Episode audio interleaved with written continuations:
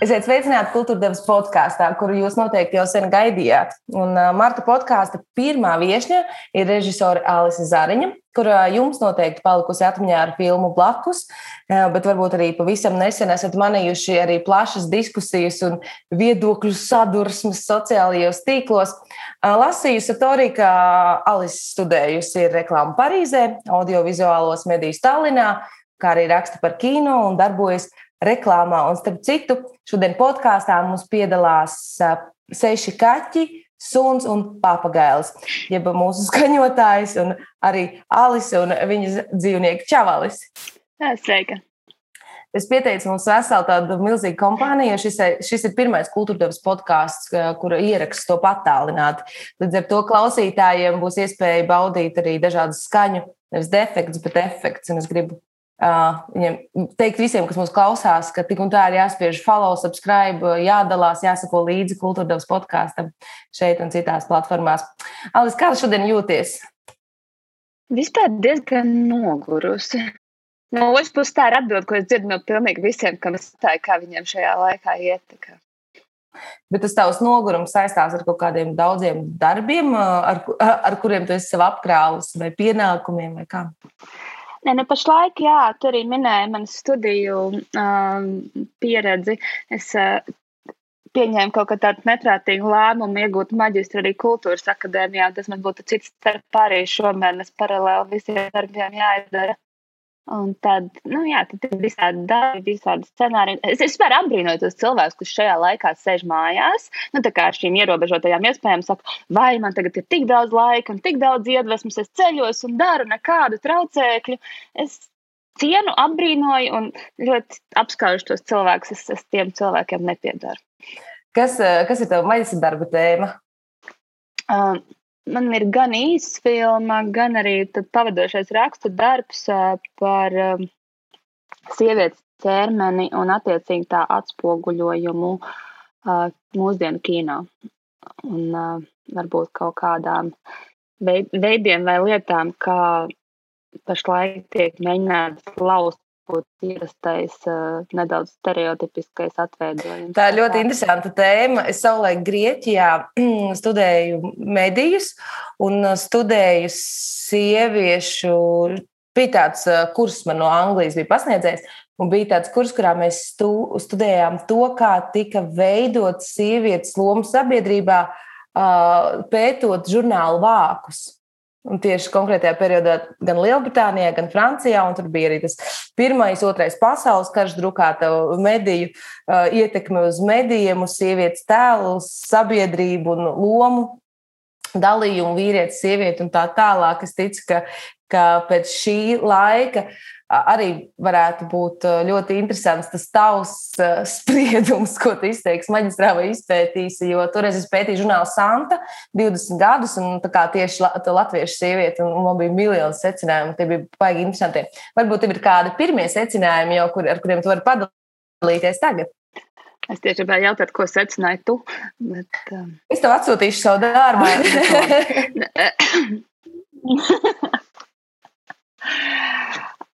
Nē, es vairāk vienkārši es pati gribu pētīt tādā nozīmē, ka īstenībā nu, kaut kādas vairākas interesantas lietas, kas man liekas, ka pirmkārt, ka jau 79. gadā mēs vispār sākām runāt, ka kino eksistē tāds tā saucamais tas vīrišķais skatiens, nu kā mēs varbūt tās redzam caur vīriešu prizmu visu, bet pat līdz šodienai ir ārkārtīgi it kā mums prasās, nu, ja ir vīrišķais skatiens, tad kas ir tas pretējais, kas ir sievišķais skatiens.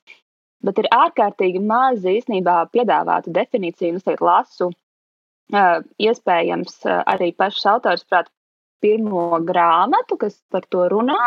Protams, ir publikācijas kādas un, un, un kaut kāda tāda mazāka eseja vai kas tāds, bet arī, arī šī pati autori pasaka, ka tas ir 2020. gads, kurā viņa pirmo reizi mēģina definēt um, kā, kā tas atšķiras. Jo mums varbūt tas Ziniet, tāds ļoti primitīvs veids, kā uz to skatīties, būtu, hei, ja mēs tur no vīrišķās perspektīvas rādām, tur uh, iekārojam skaistas, dekoratīvas sievietes, tad, hei, no sievišķās perspektīvas mums būtu jārāda uh, heteronormatīvi domājot, tad skaisti vīriešu ķermeņi un tā tālāk. Bet, nu, principā, tā nav tas uh, sievišķais skatiens, jau nepiedāvā uh, beigt objektificēt sievieti un objektificēt vīriešu, piemēram. Tas ir vairāk doma, kā vairāk veidot tādu iekļaujošāku skatienu, kur uh, arī tas skatītājs kļūst par uh, vairāk aktīvu dalībnieku un mazāk tādu voāristisku. Nu, Ak, Dievs, es to plakātu referātu nolasīšu arī. Bet, nu, vairāk skatīties, jā. jā. Nē, arī klausītāji.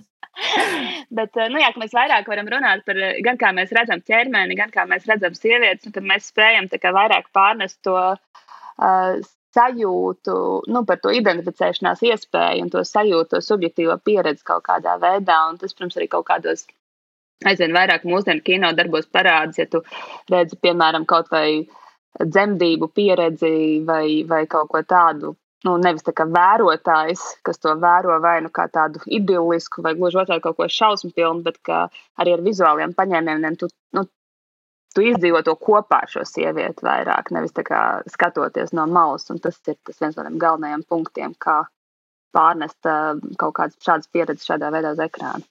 Referāta beigas.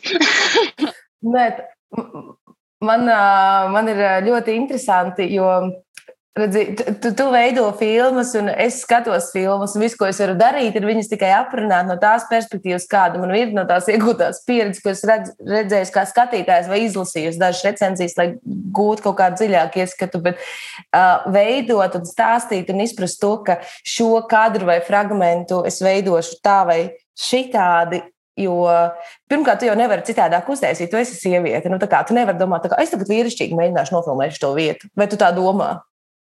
Tā nav. Es domāju, ka es tieši tā domāju, jo mēs jau esam kaut kādā veidā izauguši ar vienu konkrētu to audiovizuālo valodu, un mēs viņu apgūstam un iemācāmies. Un, un tā, tā man liekas, ir diezgan tipiska.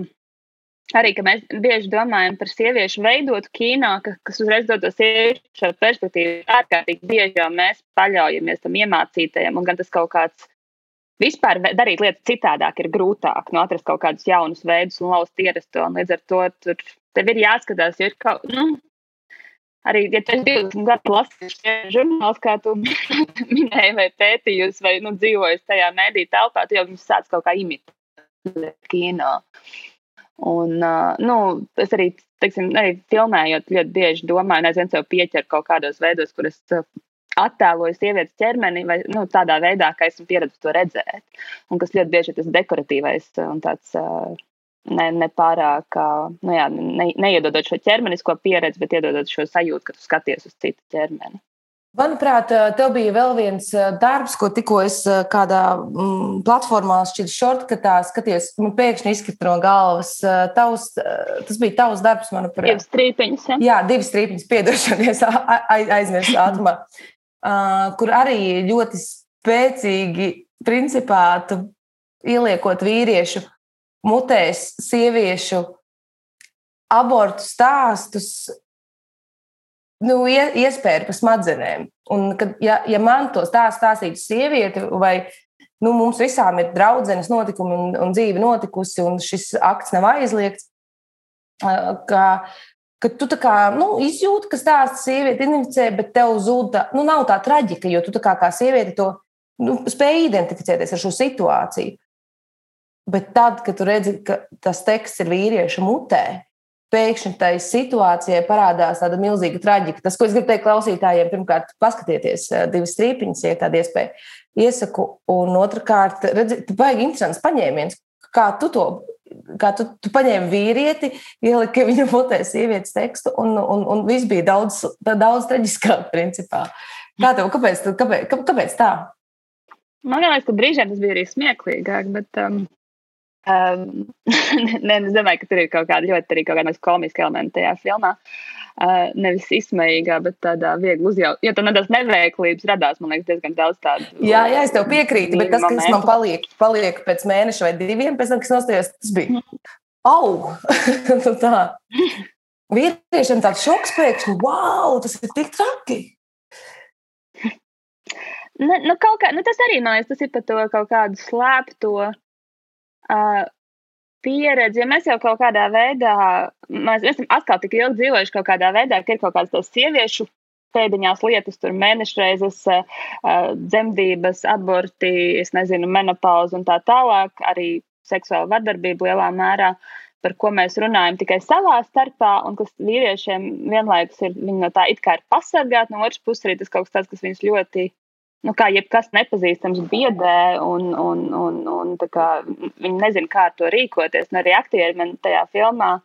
Viņi nebija gatavojušies, viņi atnāca, viņiem to tekstu iedeva uzreiz, un tāpēc man liekas, tur tomēr ir brīžiem izlaužuši kaut kādas pietiekami tās uh, nenoslīpētās, tīrās reakcijas uz to, uz to tekstu un stāstiem. Un, uh, un man liekas, ar to arī Nu, man, bija, man bija mazliet bail veidojot šo filmu. Man liekas, ka, ja nu būs muļķīgi, nu, ja nu izskatīsies tā, nu, vienkārši tīzli. tīzli. bet, bet kaut kādā veidā tas tiešām arī nostrādāja tajā vienkāršajā veidā. Un tu, nu, tā perspektīvas maiņa ir svarīga. Nu, pirmkārt, tev ir jautājums, kā tu, vai tu dzirdi citādāk kaut ko, ja tev to stāsta vīrietis. Uh, un vai tu kā vīrietis arī nu, reaģē citādāk, kā, kā aktieris šajā gadījumā, tā tālāk. Un, un man beigās Man pašai tiešām patīk tas darbs. Man nemaz nav tā, ka man baigi bieži patīk kaut kas tāds izdarīts.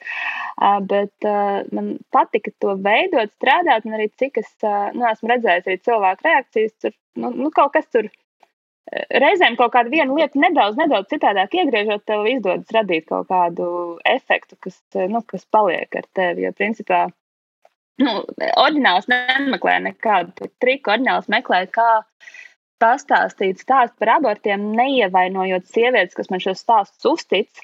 Jo man liekas, salīdzinoši nesen bija iznākusi arī tā filma eh, Rebaltika, ko veidoja kopā ar Adrianu Rozi par uh, vardarbību pret sievietēm. Un, uh, viņām pēc tam uzbruka sociālajos tīklos, un nu, tā visa šļura. Nu, kaut kā tev reizēm gribas tos varoņus. Es reizēm to gribas vienmēr pasargāt, bet reizēm liekas, ka tas ir ļoti svarīgi jo man nekādā veidā negribējās uzsākt kārtējo diskusiju par no, nu, ētikas dabas jautājumiem. Man gribējās pastāstīt pieredzi. Un, man liekas, ir svarīgi atrast tos veidus, kā pastāstīt pieredzi un atstāt ar otru cilvēku. Un nevienmēr vajag viedokli par otru pieredzi. Reizēm ir svarīgi vienkārši to dzirdēt. Mm. Tas, tas viedoklis jau ir pilnīgi kas cits. Um, tavs, tava ikdiena un tavi darbi skar ne tikai uh, kino valodas spriedzi, bet arī valodas spriedzi. Tu, tu daudz runā, tu daudz runā Twitterī, un uh, tevi diezgan daudz var dzirdēt arī caur taviem rakstiem un uh, par valodas spriedzi un vēlmi uh, pateikt maksimāli precīzi visu. Mm, mūsu nākamais audio fragments, šī pirmais audio fragments šajā epizodē, kurā mēs kultūrdevas studijā tikāmies ar rakstnieku un dzīsnieku Andriu Akmentiņu, kurš sarakstīs romānu par dzīsnieku novelistu Jānu Ezeriņu. Varbūt jūs lasījusi? Uh, nē, es tikai pastīju sižetu. Paklausīsimies fragmentu introvertais un eksplozīvais. Ja, jo nevajag pārspīlēt to rakstnieku introvertumu, viņi arī reizēm nāk laukā. Tu kādā intervijā lieto brīnišķīgu vārdu salikumu ezeriņa zosāda. Tas ir tas, ko mēs izjūtam izlasot viņa šīs noveles, ar kurām viņš tomēr ir iegājis tajā oh. literatūra vēsturē. No vienas puses, drusku tā gotiskā uh, un, un tā romantiskā laikmeta tā bai, baiļu literatūras drusku tas, tās drebulītes, uh mhm. -huh. bet ezeriņa gadījumā tā ir viena tāda skalde, no kuras viņš ir atspēries. Ezeriņa zosāde drīzāk ir šī te uh, maģija strādājot ar teikumu. Nu, vispār romāns sākās ar, ar, ar frāzi, kas notiek teikumā tā, tā ezeriņa daļa. Ja? Un te viņš mīca to teikumu. Uh, ka tur ir tā spriedze un arī tā valodas spriedze pateikt, pateikt maksimāli precīzi. Un tāpēc lielā mērā arī es vilku paralēles ar uh, klāvu. Kāpēc klāva tas uh, citāts ir ielikts priekšvārdā, grā, nu, grāmatas, es grāmatas to sākās. citātu. Trausls, patiesas, brīžam traģisks dzējoļu zemteksts, lirikā izšķir visu. Nu, arī novelēs droši vien. Un, un, uh, tā līdzība ar klāvi ir ne tikai tajā īsajā dzīves posmā un tajā sakāpinātībā, ko tas dzīves īsuma ap, apjaus man dod, bet arī galvenokārt šī ārkārtīgi nopietnā um, attieksme pret tekstu. Mēs runājam par dzīsnieku Klāvu Elsbergu. Jā, jā. Uh, tur viņi ir tiešām brāļi.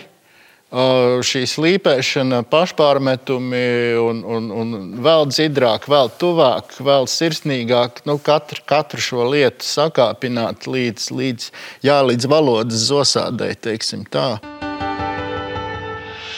Nu, lūk, tāds fragments man iekrita ausīs pēc šīs sarunas. Kādas tev bija sajūtas vai pārdomas?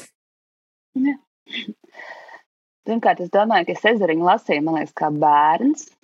Un vispār man dažreiz ir ļoti, ļoti žēl, ka es tik daudz lasīju kaut ko bērnībā, un tad to pierakstīju savai izlasītajai literatūrai. Un tad vienā brīdī tu saproti, ka īstenībā tas apgājis kaut kādu apli, ir jāsāk visu patērēt no jauna, nu, tam savam jaunajam, tā kā, nezinu, pārveidotai identitātei. Bet, um, Nē, man liekas, tas ir. Man ir jākomentē par valodu. Bet, nē, nu, Jā, man šķiet, ka varbūt tā bija. Es nedomāju, ka pašlaik varbūt tās es sauktu to par vienīgo, bet kaut kādā mērā, man liekas, tekstā mēs aizvien vienkārši meklējam kādu, kas kaut kā precīzāk spēj uzķert, notrāpīt, uzmest kaut kādus vārdus vai kaut kādas domas veidos, kā mēs paši to nespējam nenoformulēt, ne arī īsti nu, tik precīzi sajust. Nu, bet es arī esmu raksturošs cilvēks, tādēļ, ka es runāju, es nekad nespēju noformulēt savas domas tik labi, kā es to darītu uzrakstot. bet valodas osāde, protams, ir brīnišķīgs. Jā. Brīnišķīgs, jā, tā. Mm, jā, man, man redz, redz, tas, tas, tu saki to pašu, ko Andris Akmentiņš, viņš arī kultūrā runāja par to, ka Viss ir tik daudz lasīts, ceļš, ka viņi spēlēja rēdījuma beigās to spēli un par dažādiem pieminekļiem. Tik daudz, kas ir lasīts, tik daudz, kas ir palicis pagātnē, un tik daudz, kas jālasa no jauna. Un lasot to no jauna, viņi arī runāja ar Hendrietu par meistaru Margaritu. Arī man tas kaut kādā brīdī dziļi ietekmē, bet es mācījos to 12. klasē. Un es tagad skatos rādījumu, domāju, man taču ir jāizlasa atkal, jo toreiz man norāva galvu, nu, pilnīgi, kas ir norāva pauri. Nu, tā. Kas ir varbūt tie tavi kaut kādi uh, literāri, literārie darbi, kas tev tavā dzīvē, vai var, varbūt pēdējā laikā ir kaut kādā veidā ietekmējuši vispilgtāk?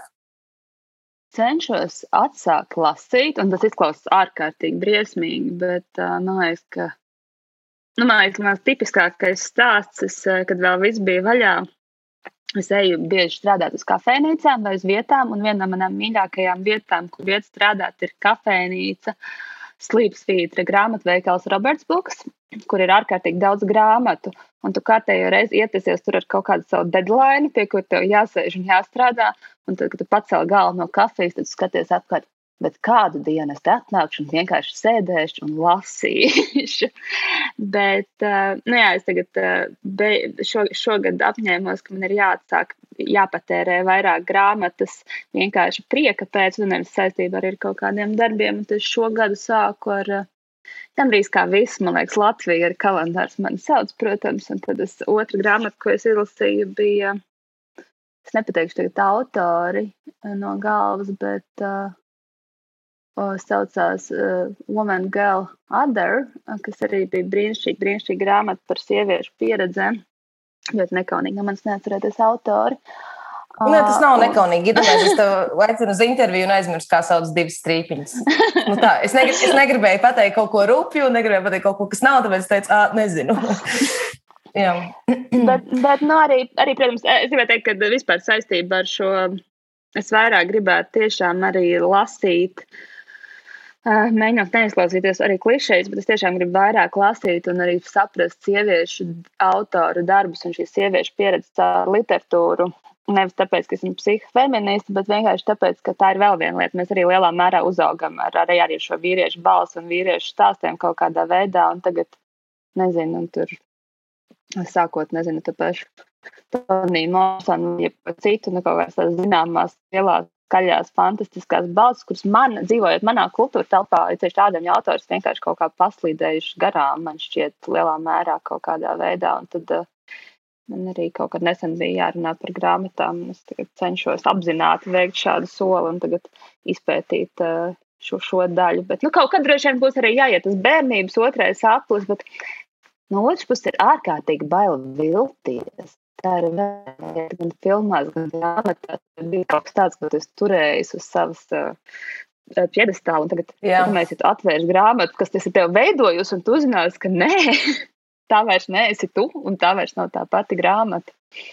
Bet man, man tā, piemēram, ir bijis, nekautrēšos, nosaukšu būdu, kuru lasīju ne, nu, negribu teikt, astoņi, deviņi gadi. Nu, arī tāds labs laiks atpakaļ, iespējams, tad, kad viņi arī Latvijā iznāca. Viņi man ļoti ietekmē kaut kā, nu, kā atvēra kaut kādu jaunu apziņas līmeni, kad es apzinājos, ka ir jā, jāravē tas dārsts, kas ir mana apziņa, mana galva, mana izpratne. Tik mazāk, mazāk varbūt par dievu ticību un tādiem jautājumiem, bet vairāk par to, ka baigi jāpieskat savs vaiprātīgais prāta dārsts, kas aizaug ar nezālēm. Un, Un kaut kā tāda bija man tā sajūta, to grāmatu, un pagāja tie gadi, un es laikam pagājušajā gadā izlasīju, un es domāju, tas, kas tas tāds ir? Un, un, un ka tas vairs nav tā kā, nu, tā kā tas vairs nav taustas. Um, nu, tiksim, ne lī, nevis līmenis, bet viņš vairs tevi neiespaido, neietekmē, un tu vairs arī nevari izlasīt ar to, jo nu, kaut kādā ziņā tu esi citur ar, ar visu savu to būtību, tev, tev prasās pēc citas literatūras. Bet zini, kas ir, ir, ir um, divi nemirstīgie latviešu literatūrā, un uh, es te, es te vedu uz uh, mūsu nākamo fragment, ko mēs uh, ar tevi paklausīsimies no kultūra devas, kurā viesos bija ziedoņu un vāciešu lomu atveidotāji, kas par Znotiņš un Vilis Daudziņš, un martā mm, ir plānota atjau, tiešsaistes atjaunojums viņu 2013. gadā veidotajai izrādē iestudējumu un vēstuli draugam. Un viņi arī šeit reflektēja par grāmatu, ko abi bija izlasījuši, un nonāca līdz ļoti interesantai sarunai fragmentam. Sāksim ar to, kāds bija Viļa daudziņa sākums bērnībā. Es ļoti labi atceros, kā es sapņoju, iedams skolā mazās klasītēs, kā būt pēkšņi. Nu, pēkšņi uzmanības centrā es būtu ar to vien, ka es pēkšņi paceltos desmit centimetrus virs zemes. Un es turpinātu runāt, un man tā skolotāja kaut ko prasa. Tad viņi pārstāja prasīt, un visi, visi ierauga, ka es taču esmu virs zemes, un es speciāli iztaisos, it kā tas neko nenozīmē. Vai, piemēram, es atceros, um, bērnībā braucām, mums bija mazdārziņš Mēlužos. Un tur pa ceļam, ejot uz to mazdārziņu, bija viens celms. Un tad, lūk, tas celms, nu jā, tas bija mans, tas ragainais dzīvnieks. dzīvnieks. Lauku vidē jau tāda fantazēšana vienmēr tiek diezgan strikti apkarota. Kā Igauni nākuši no zemniekiem, Latvieši nākuši no zemniekiem, un tas vienmēr kaut kā saistās no ar to izdzīvošanas motīvu. Citādi mēs neizdzīvosim, ja tu te sēdēsi un nezinu.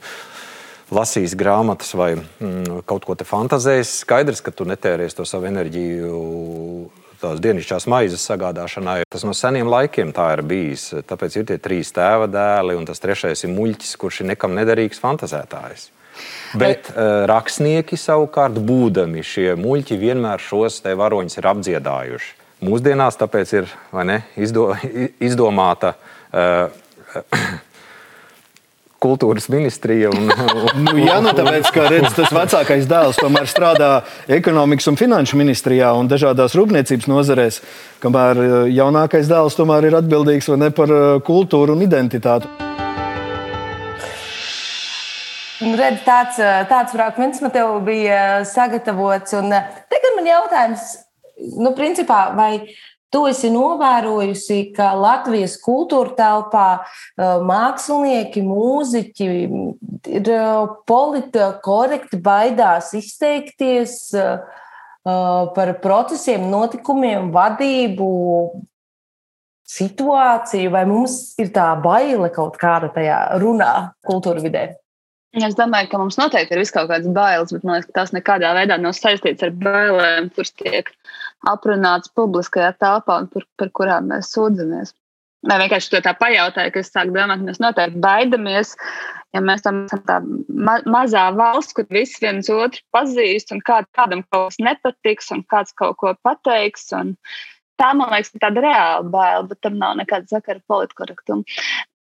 bet, uh, bet man liekas, tā, es pat nezinu, man liekas, tas viss, tā visa diskusija ir tik ārkārtīgi Nu, man liekas, ka nedaudz līdzīgi kā es savulaik teicu, ka mēs kaut kā spējam būt valsts, kurai nav bēgļi, bet kurai ir bēgļu problēma, nu, ka to tik šausmīgi daudz runā un cilā un baidās. Tad pašlaik man liekas, ka šī politkorektuma diskusija ir stipri vien līdzīga, jo uh, ir bail, ka vispār tiek pacelta tēma, respektīvi. Uh, ir šī reakcija jau ir uz to, kurš, kurš nerunājām par to. Jo neviens jau nav pateicis, nu, ko, kā, kā mums tagad vajadzētu būt vai kā mums vajadzētu mainīties. Pa lielam mēs dzirdam un sākam domāt, hei, bet varbūt vajadzētu uh, domāt par to, ka vajadzētu veidot tur iekļaujošāku mākslu, varbūt vairāk atspoguļot minoritātes, runāt par šo, runāt par to, kā jums liekas. Un tad reakcija no kaut kādas daļas publikas ir. Mums nekā neliekas, mēs negribam par to runāt. Lietas ir aizgājušas par tālu, kāpēc mēs par to runājam. Nu, tā ir kā tā saruna pati par sevi jau būtu kaut kas ārkārtīgi šausmīgs. Es domāju, ka, protams, ka, un, un otrs ir, ka tās ir kaut kādas pašlaik drausmīgi izveidojušās, mākslīgi, manuprāt, izveidotas nometnes, kur cilvēki abās pusēs jūtas kā absolūtās minoritātes. Nu, vienalga, vai tu jūties kā uh, konservatīvs uh, cilvēks, kas turas pie tradicionālām vērtībām un nu, palielam dēls, vai nekas tavā dzīvē nemainītos, uh, vai arī tu esi cita, nedaudz kā, mentāli citā paudzē vai citā sajūtā, un varbūt vēlēs kaut kādas pārmaiņas. Abām šīm pusēm ir ļoti izteikti sajūta, ka viņām saka, nu, kurš, kurš nerunā par to. Un tas, tas man liekas ļoti jocīgi, nu, kā, kā mums var būt divas minoritātes, kas ir absolūti pretējas un saka, ka ir minoritātes. Tas, tas, tas ir kaut kāds, man liekas, interesants fenomens. Bet uh, es par šo varu runāt ilgi, tāpēc tu labāk man pārtrauc un uzdod kādu jautājumu. Nē, man, man liekas, man, man ļoti interesē tos pārdomas, tāpēc arī jautāju to jautājumu. Jo, redz, tu nesen arī savā Facebook profilā publicēji atbildi jaunā Rīgas teātra mākslinieckajiem vadītājiem Alvin uh, Hermanim, ja viņa paustiem manifestam par septiņiem uzvedības noteikumiem jaunā Rīgas teātra darbiniekiem un skatītājiem. Un, un pēc tam man radās sajūta, klausies, vispār drīkst izteikties, drīkst kritizēt. Un, un vai vispār es, piemēram, vai tu vai vēl kādi citi cilvēki, kas ko domā, redz, skatās, reaģē, kā vēlas, izteiksies, ja es atvainojos pēc tam pār tevi gāžas tāda sūdu lavīna. Jo man būtu baigi žēl, ja mēs beigtu diskutēt, runāt, ja mums nebūtu šie pretējie viedokļi vai viedokļi, kas papildina viens otru, rosina apskatīt kaut ko, kā tu, piemēram, tavs uh, ieraksts rosināja apskatīt šos uzvedības noteikumus no citas perspektīvas. Ir pieejams, ir vēl, jā, var izdomāt vēl desmit dažādas uh, pieejas šiem uh, manifestam uzvedības noteikumiem un tā tālāk. Tas nebūtu nenozīmē, ka tu tā konfrontējies un esi tā tāda maksimāli pretēji un gribi tā kā ļaunu, bet, eh, bet tā sanāk. Ka beigās nu, viss ir slikti. Eh, ko, ko, tu, ko tu par to saki? Vai mēs vispār drīkstam izteikties, lai ne, netiktu nomātāti? Es atvainojos, nu, tur nevar saukt par tomātiem to, kas gāzās pār tevi. Ja? Nu, kā... Mēs neatšķiram cilvēkus no cilvēku viedokļa. Man liekas, nu, ļoti lielā mērā Nav tā, ka es neesmu ievērojusi agrāk, rakstot kaut kādas kino kritikas, kur cilvēki ka uzbruk personiski viņiem. Bet, uh, pirmkārt, neuzbruk nevienam, bet otrkārt, runa ir par izteikumiem, par darbiem. Tas nav, jā, tā ir kaut kāda daļa, tā ir kaut kāda izteiksme, bet tas nenozīmē, ka nu, tas nav vērsts pret pašu cilvēku būtību. Vai, es nezinu, es pēc tam arī teicu, ka, nu, jā, es izteicu šo viedokli, es nenoliedzu brīdī Hermaņa milzīgo ieguldījumu gan Latvijas teātrī, gan arī, man liekas, kā jau es minēju, tajā pašā manas paudzes, man liekas, domāt ārpus kastes un iestāties pret kaut kādām eksistējošām dogmām. Un lielā mērā mums mācīja arī ģēta izrādes savu laiku. Nu, vienkārši, bet, um, nu, tas ir viens, un tas ir, nu, kā es jau ne, nu, nemēģinu. Tiešām es, tas, ko es vēlos norādīt, uh, iedot šo pretējo viedokli, ļaut tam izskanēt. Šajā gadījumā arī trīs minūtēs savā sociālajā personiskajā tīklā es jau arī reaģēju. Labi, šis ir tas, kā kāds cilvēks uztver politkorektumu problemātiku, bet lūk, šis ir tas, kā to uztveru es. Nu, šajā gadījumā vienkārši lai iedot šo pretējo ieskatu. Un, un, un es domāju, ka, nu, bet man liekas, tā atkal ir tā kurš kurš mentalitāte, nu, kaut kādā mērā, nu, ka, nu, kāpēc tu vispār runā, nu, kāpēc mums vispār vajag šo sarunu. It kā saruna mūs varētu apdraudēt, kas vispār, manuprāt, nav iespējams nekādā veidā. Savukārt runājot par uh, pašu manifests, nu, viņš jau nav izlīdis no nekurienes. Tā ir kaut kāda ļoti daudz publiskā telpā izteikta domu, kaut kāds rezultāts, kur mēs ārkārtīgi skaļi tiek kritizēts, manuprāt, parādības, kuras neeksistē mūsu sabiedrībā. Manuprāt, uh, Man liekas, politkorektums ne tikai nav gājis par tālu, viņš tikai īsti nav parādījies. Nu, tā ziņā, ka jā, ir kaut kādi cilvēki, kas par to domā un par to vēlas runāt, bet es domāju, ka nu, paskatoties kaut kādas mākslas norises un tā tālāk. Un, un, Man liekas, ka tas, ko mēs darām, mēs interpretējam ārzemju norises. Pirmkārt, otrkārt, interpretējam viņas ārkārt, tās ārkārtīgi neprecīzi, runājam par to, ka jā, ir, ir pasaulē šī tendence sabīdīties un ielaist vairāk cilvēkus iekšā vidē un vietās, kas vēsturiski, kur vēsturiski ir dominējuši viena tipa cilvēki ar viena tipa idejām, un tagad gribas šo nu, palaist vairāk, ielaist iekšā, pastīties, kur mums ir palikušas visas sievietes mākslinieces, kur mums ir pārstāvētas minoritātes, kur mums ir pārstāvētas kaut kādas citas perspektīvas, lai šo kopējo nu, gala rezultātu padarītu plašāku, bet nevis arī pārmestu uz, uz citu pusi. Vienkārši, nu, es domāju, ka vārds iekļaujošs ir diezgan labs. Tas nozīmē parādīt daudzus cilvēkus, daudz cilvēku sajūtas un tā tālāk. Un kas man šajā visā teikuma skaitā visvairāk ir šie mūžīgi apgalvojumi, ka māksla kļūst politiska. Man liekas, ka cilvēki kļūst pārāk kaut kādi politiski jūtīgi. Pirmkārt, otrkārt, daloties divās nometnēs, kamēr varētu dalīties simtos nometņu bet māksla ir vienmēr nesusi idejas, kas ir saistītas ar laiku, sabiedrību, kurā šī māksla ir tapusi. Nav,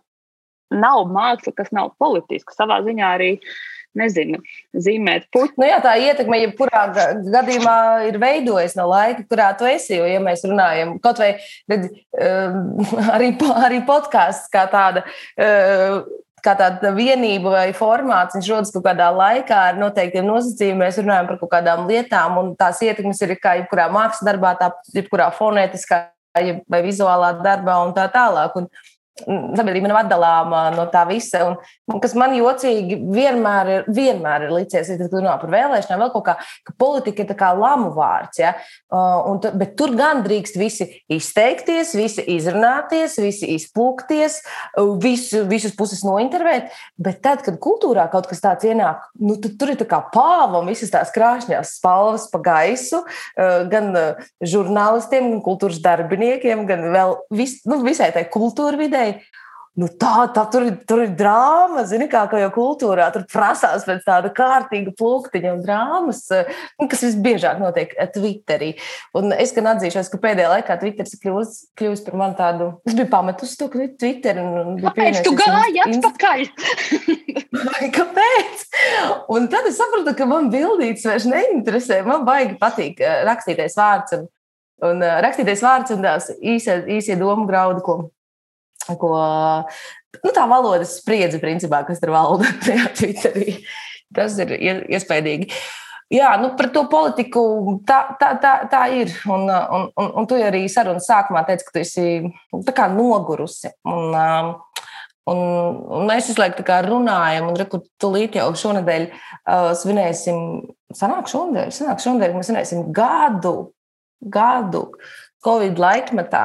Un, uh, un, un jāatzīst jau godīgi, ka mums visiem, katram un sabiedrībai kopumā ir parādījies smadzenēs kāds nojūdzies zvirbulis, kas tur, uh, vai zvirbuļa armija, kam, kuram, kas tur uh, savus spānus veidina, un, un, un tam ir arī kaut kādas sekas. Vai tu redzi, kā ir ietekmējis šis gads mūsu kultūra vidi vai vidi varbūt tev apkārt, varbūt tavā personīgajā tajā laukā, kur, kur tu diezgan aktīvi darbojies arī, ja var tā teikt, feministu kopienā un iestājies par šīm idejām. Vai tu, vai tu, redz, vai tu novē, esi novērojis, izdarījis kaut kādus secinājumus par šo laiku, kā tas ir ietekmējis, mainījis, pātrinājis kaut kādus procesus, sarunas? Man jau gribētos ticēt, ka tas tomēr ir devis arī kaut kādu lielu sajūtu, cik šī kultūra mums ir ārkārtīgi vajadzīga lielā mērā. Nu, tieši arī tas eh, mums eh, šī, šī noslēgtība. Un, kad, uh, un otrs, man šķiet, ka ir interesanti par visām tām virtuālajām parādībām. ka mēs, protams, esam bezgalīgi noguruši no visa, kas viss notiek ekrānā un tā tālāk, bet kaut kādā veidā man šķiet, mēs arī, ja mēs iesim atpakaļ uz jauno vai veco normālo, kaut kādā mērā šī piekļuve varbūt tās ir arī svarīga. Nu, respektīvi, ka tu nevienmēr vari aiziet, nu, es nezinu, uz teātri, kino, vienalga kaut kādā veidā, bet ka kaut kā šī kultūra var nonākt līdz tevi, tevim un arī, nu, līdz ar to kaut kādā veidā, protams, pastāv zināms, man liekas, noslēņošanās bažas nu, ka to mazo notikumu kļūst tik daudz kaut kādā veidā, viņi visi ir tavā datorā, bet uh, es esmu šajā, šajos gados, šajos gados. Šajā gadsimtā, ne šajā gadā. Dzīvē. šajā gadā bijusi diezgan daudz atkal pēdiņās kinofestivālos, nu, kas notika manā datora ekrānā un kas ir vienlaikus ārkārtīgi skumja pieredze. Un, prāt, saprotu, cik uh, man ir ārkārtīgi svarīgi šie svešinieki, ar kuriem dalīt kaut kādu kultūras uh, pieredzi, kas gan ir dziļi individuāli, bet pietiek ar to, ka tu dali telpu ar cilvēkiem un tu sajūti kaut kādu šo universālo sajūtu, ka jums visiem nezinu, tas ir nepieciešams. Vienalga, mēs runājam par izstādi vai kino vai kaut ko tādu. Kad, kad tas, tā, tā ir kaut kāda ļoti dīvaina pievienotā vērtība, iespēja dalīt nu jā, savu, savu ļoti personisko pieredzi citiem cilvēkiem. Nezinu, varbūt tas mazāk gribēsies pēc tam kliegt uz cilvēkiem, ja viņi kinoteātrī kādam kaut ko iečukstēs ausīm, bet būs labi, ka viņi vienkārši tur ir blakus. es, es, neatceros, es neatceros, vai tas bija tavs tvīts, runājot uh, par, uh, par šo laiku, vai tas bija tavs, varbūt kāda cita, un es esmu to piedēvējis tev, ka Eju, jūs saprotat, ka, mēs, ka, ka Covid kādreiz beigsies, un mēs visi, mums visiem būs jāsatiekas un jādzīvo vienā telpā. Tas bija tavs, ja? Nē, man liekas, ka ne. Nē, nu, bija, bija tāds viens tvīts, kas man ļoti palika atmiņā. Kā, ok, visi cepieni, bet jūs saprotat, ka kādreiz Covid beigsies, un mums būs jāsatiekas. Un to mēs ļoti bieži aizmirstam. Varbūt. Par to laiku un, un tā ietekmi uz mums. Uh, ir, ir, ir, ir, daudz, ir, daudz, ir daudz ko padomāt, un visu laiku liekas, ka tūlīt beigsies, un nekas nebeidzās. Nē, bet es jau domāju, ka tas. Nezinu, es nespēju līdz galam ķīviņus internetā. Ne, tur ir dažreiz ļoti noderīgas lietas. Es domāju, ka tas ir brīnišķīgi, ka tāda sociālajā tīkla spēja vērst uzmanību par tiem, nezinu, tiem pašiem 500 eiro, kad sākāt tur lēkāt šurp turpmāk. Tur bija zināms sociālo tīklu spēks, kas sāk teikt, ka nē, nav tā, ka cilvēki nodzers naudu, kas tiks iedota bērniem vai kaut kas tāds. Tur šķiet, ka tā publiskā doma, nu, tā publiskā doma kļūst pieejamāka kaut kādiem lēmējspēkiem un kaut kādai varai. Bet visādi citādi es, ne, nu, es nespēju Lai arī, protams, tur reizēm iekarsti vai kaut kas tāds, bet uh, es, protams, visu laiku zinu, ka pirmkārt tā ir prokrastinācija, otrkārt, man reizēm ļoti mulsina, ka man uzraksta kaut kāda nepazīstama cilvēka, kaut kāds komentārs no sērijas. Es zinu, ka mēs esam ideoloģiskie ienaidnieki. Un, es, hei, hei, hei, es nezinu, kas tu esi, un man nav ienaidnieki. ja ne vienkārši tas kļūst par tādu, nu, tik.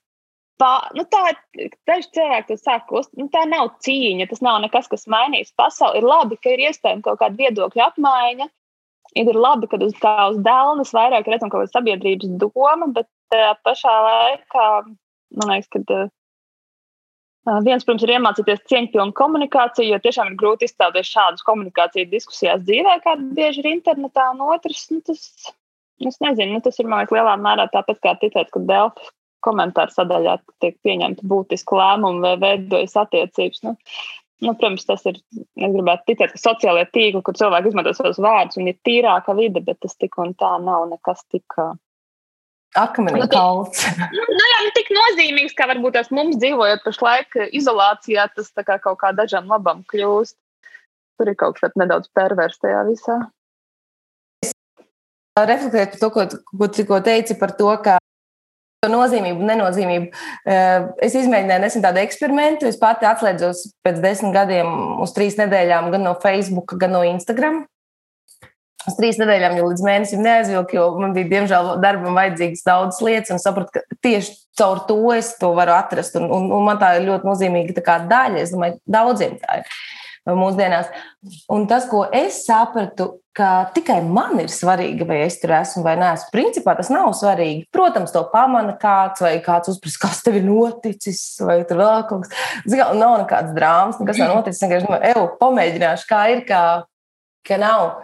Un es sapratu, ka nav trokšņa, vispār nav trokšņa. Un ir baigi labi, iesaku. Un gribētu dzīvot tā ilgāk, bet ir jāstrādā. Un, un tas ir svarīgi tikai tev. Un es domāju, arī ļoti daudziem ir tā, ka nu, tikai, tikai pašam personīgi ir tas, kā tu uztver, ja, kas, ko tev pasaka, vai kāds viedoklis nāk pret tevi vai par tevi. Vai tā, tā mūsu uztvere kaut nezinu, tas tāds novēlējums, jo tuvojoties mūsu sarunas noslēgumam, ka, ka tā mūsu uztvere kļūtu tāda. Nu, tā tāda mierīgāka, tā kā mēs nesāsinātu visu tos, tos dumpjus un tos pretējos viedokļus kultūrā, vienalga mākslā, līdz tādai baltkvēlē, ja, ka tev jau tur raksta pilnīgi vājprāt un jēlības. Un es nezinu, kā ir, vai tagad var sūtīt, nezinu, policijai tādus Tu vari par tevi nākt ar komentāru, nepatīkamas situācijas, vai, vai, vai tu ziņoji par kaut ko no tām? Tā nāk, esmu neveiksmīgi ziņojusi par kaut ko citu, kas bija vairāk kaut kāda aicinājuma uz vardarbību, ne pret mani, bet vispār. Šoreiz nē, es nezinu, pietiek jau tam enerģijas. Es, es nezinu, kā tas ir. Es zinu, ka dažiem ir kaut kādi veiksmīgāki stāsti, kā, kādā veidā nu, tas ir veiksmīgāks stāsts, kur ir ziņots, un kaut kas kaut kādā veidā ir bijušas kaut kādas sekas. Bet, uh, nezinu, man kaut kā vairāk, es vispār dal, nu, nu, padalījos ar vispār to negāciju jūru, lai man liekas, ka uh, nu, tas, ko tu teici, ja tu izslēdzies no interneta, nevienam citam netrūks, izņemot tevi, bet ir arī nedaudz otrādi. Nu, neviens cits arī neredz nu, to kaut kādu komunikāciju, kas vērsta pret tevi, izņemot nu, sevi pašu. Nu, kaut kādā veidā, ka nu, neviens cits jau ne, nu, neatnāk pie neviena cita šiem miljoniem brīnišķīgie vēstījumi tikai pie tevis. Kā vienkārši gribējās šo parādīt. Nu, protams, tagad var ļoti cēlu galvu vietam garām un kā, nelasīt uh, kaut kādus uh, vēstules vai kaut ko, bet, bet man kaut kā ir vieglāk parādīt, padalīties, pateikt, hei, daļa no cilvēkiem runā šādi. Man šķiet, ka mēs varētu visi kopīgi kaut kā iestāties par kaut kādu cieņpilnāku komunikāciju. Nu, skaidrs, ka šis nekad nekādā veidā nebeigsies, bet vismaz nedaudz to kaut kā apzināties. Es nezinu, nē, nu, droši vien ir kaut kādi tieši aicinājumi vai draudi, tad tur var ieskatīties. Man, protams, vienkārši nepatīk, ka ir anonīmi cilvēki internetā, kas uzskata, ka var aicināt kaut kā nodarīt citiem cilvēkiem. Nu, fiziski pāri, man liekas, tas ir pats šausmīgākais. Pirmais, pirmā vēlme gan man ir izkāpt no autobusa, nevis iet uz policiju, bet varbūt kaut kādā veidā tas kaut ko var ietekmēt. Bet, nu, neesmu ārkārtīgi aizrausies. Nē, bet, bet, bet, bet tādā plašākā nozīmē būtu labi, ja mēs spētu vispār vairāk saprast, kas ir un kas nav naida runa, jo tas arī pašlaik ir vārds, ko mēs mētājam turp šurp pilnīgi bezjēdzīgi un, un jaucam kritiku vienkārši kaut kādu kašķēšanos, naida runu, vārda brīvību, cenzūru, visu vienā maisā. Un, un tas nekādā veidā ne, nu, nav par labu arī kaut kādai sarunas iespējamībai. Tāds ir. Mums ir palicis noklausīties viens vēl fragments, kur es pilnībā sašutu, un tad es sapratu, ka varbūt tas tā nemaz nav. Tā kā, ja kāds tā saka, varbūt tā nemaz nav. Paklausīsimies fragment. Zikrīts Muktubovels galvenajā lomā būs šajā fragmentā. Okay. Nē, nu, Jānis ir traks, nu, ko lai dara. Nu, tāpēc nevajag smieties arī par mani. Es, atrad, es esmu atradis, ja prasa, vai mēs kaut kā vēl sadarbosimies tālāk. Nu, man īsti tāds, nu, man jau viss ir, jo beidzot, eh, kas man ir?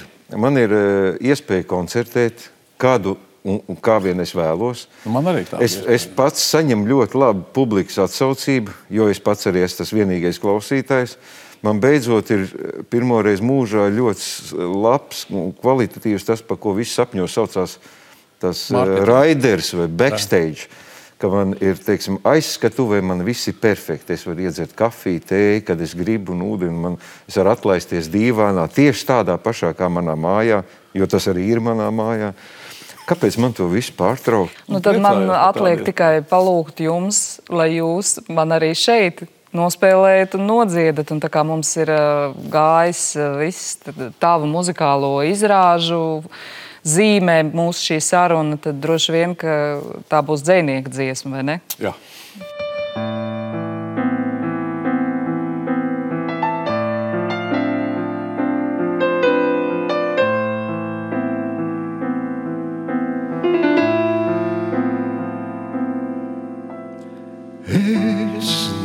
Esmu dubļus brīdis, es pats bijis dubļi, ko brien. Viss, ko vēlos pieakas, mazgāties ilgi tik vien. Mazgāties ilgi līdz nāvei, tīrs ūdens, tīrs ūdens un smilts. Locīsies akas vinda, kā dieva elkonis silts, tad vēlos es asinis vemt un izvemt to čūsku, kas malī.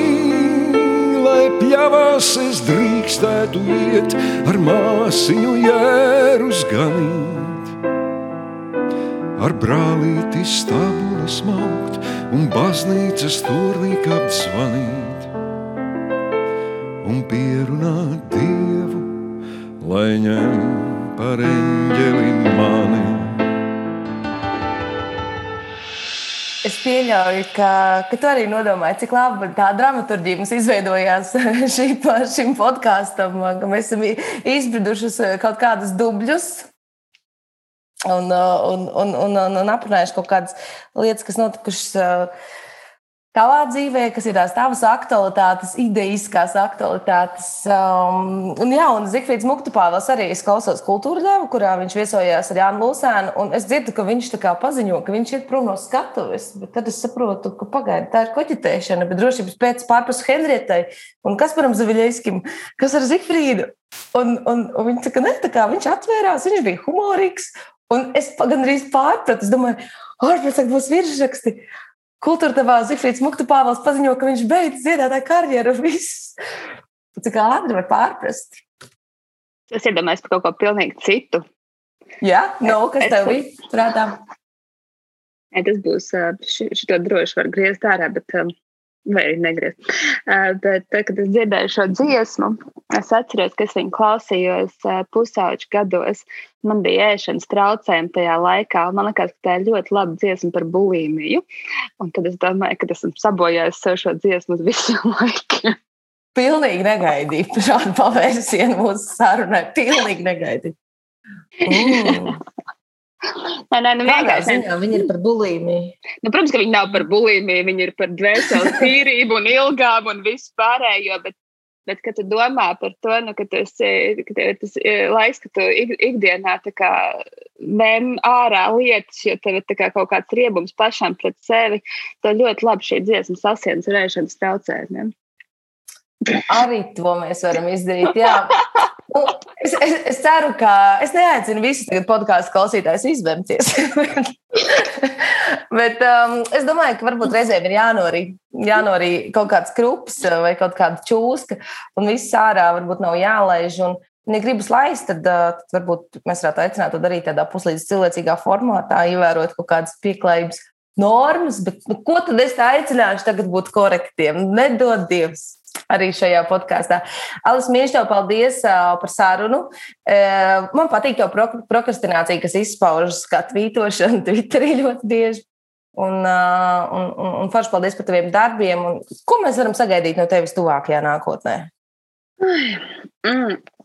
Es strādāju pie vai, vairākiem projektiem, kas ir nu, tiešām par daudz projektiem. Bet tagad mēs arī gaidām Nacionālā kino centra rezultātus konkursu, kur mēs startējām kopā ar četrām citām režisorēm. Ar darbu, ko, ja mums šogad neatbalstīs, mēs noteikti turpināsim, ko sauc par histērijas, un kas ir pieci mūsdienu latviešu autoru stāstu, Latvijas autoru sieviešu stāstu ekranizējumu, ko darām mēs, piecas sievietes režisoras, kas man liekas ir tāds ļoti projekts, nu jau tas ir skaļi izskanējis, tāpēc varu pateikt. Vajadzētu tā tā, tā, strādāt pie nākamās filmas.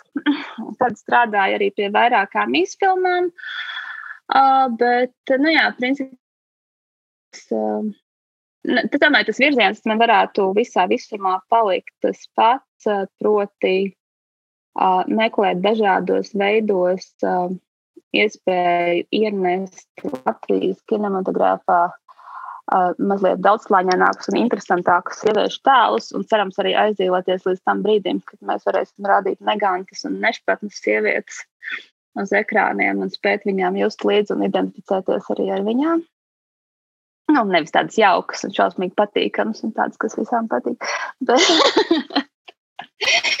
bet nē, nu, es domāju, ka uh, es ļoti gribu turpināt darīt kino, kas kaut kā un, uh, iespējams pat vēl vairāk, kā es gribu turpināt veidot kino. Es gribu, lai šis viss beidzas, un mēs atkal varam iet uz kinoteātriem un skatīties kino lielajos ekrānos. Jā, man liekas, tas ir kaut kas tāds, kur uh, nu, ja tu gribi veidot kino un strādāt pie kinofilmām, ir ļoti būtiski zināt, ka tās nokļūs pie publikas kaut kādā formātā. Tā. Jā, runājot, vēl atcaucoties, es gribēju noslēgt sarunu, bet skaties, podkāstā mēs varam būt cik gara gribam. Nekāds ēteris netiek norauts. Atcaucoties uz tiem dažādiem sieviešu tēliem, kur, kur seko līdzi kā kaut kādiem ļaunākiem, nu, visļaunākām, sliktajām sievietēm šis ir ļoti interesanti, jo es pēdējā laikā esmu pamanījis, ka man sāk patikt sliktie cilvēki, un bija tāds Ozarks seriāls mm -hmm. Netflixā. Es nezinu, skatījos. Skaties, un es atceros, ka es uzņēmu laiku, jo desmit minūtes neviens nav nomiris, un man pazuda tā imunitāte. Pret, man parādījās imunitāte pret nāvi un nogalināšanu kino, nu, seriālā konkrētajā gadījumā. Tā kā desmit minūtes neviens nav nomiris, kaut kas nav ar to seriālu. Ah, ir ok, un tad tu gaidi, un tev parādās tā nāves tolerance vai, Tāda, un, un, un tas paliek interesanti. Un, un, un tāpat parādās tā tolerance arī kādreiz skatoties citas filmas, ka, ka tu vairs, es nezinu, vai tu to novērosi, bet es novēroju, ka jūs kļūstu vecāki, jo es vairāk spēju līdzi just arī sliktajiem. Nu. Droši vien, ka nav slikto, nav labo, tas ir tas galvenais. Bet nu, par to, man liekas, ka par to arī ir daudz pētījumu, ka mēs uh, vairāk esam iemācījušies lik, uh, just līdzi arī tiem nu, sarežģītajiem un netik patīkamiem vīriešu tēliem, mums ir grūtāk pieņemt uh, vai akceptēt sievietes, kuras rīkojas kaut kādos veidos, kur mēs nepareizām. Un, uh, nu, tas šo to par slikteni, bet no pilnīgi citas nogalināšanas aspekta man aizvien liekas ārkārtīgi mīļi un jocīgi, ka Mēs varam pierast uh, uz ekrāna pie nāves un, un, un mokām, bet ne pie tā, ka kaut kas slikts notiek ar dzīvniekiem. Es domāju, ka to ik pa brīdim mēs redzam, teiksim, Fontrīs par to izsmējās kaut kad nesen savā filmā, bet tas arī nesen kaut kādā skatoties diezgan skarbu filmu, jūt, ka es ļoti, ļoti ceru, ka ar sunīti viss būs kārtībā. Es nezinu, kāpēc mēs cilvēki tā darām. Bet nu, tu, tu, tu nevarētu nekad tā kā, nu, tā kā, Nē, iz, iz, iz, tu vari izdzīvot. Jā, es, es, es iespējams varu attaisnot uh, slepkavību, ko izdara varonis, bet uh, es, es neticu, ka mēs uh, varam attaisnot uh, vardarbību pret uh, dzīvniekiem un mazāk aizsargātiem, tāpat kā nu, sabiedrības grupām un tā tālāk. Nu, Tas bet tā kā smieties ļoti... par invalīdiem, nu, kā, nu, cik, nu, cik debīlam kaut kādā ziņā ir jā, jā, jākļūst.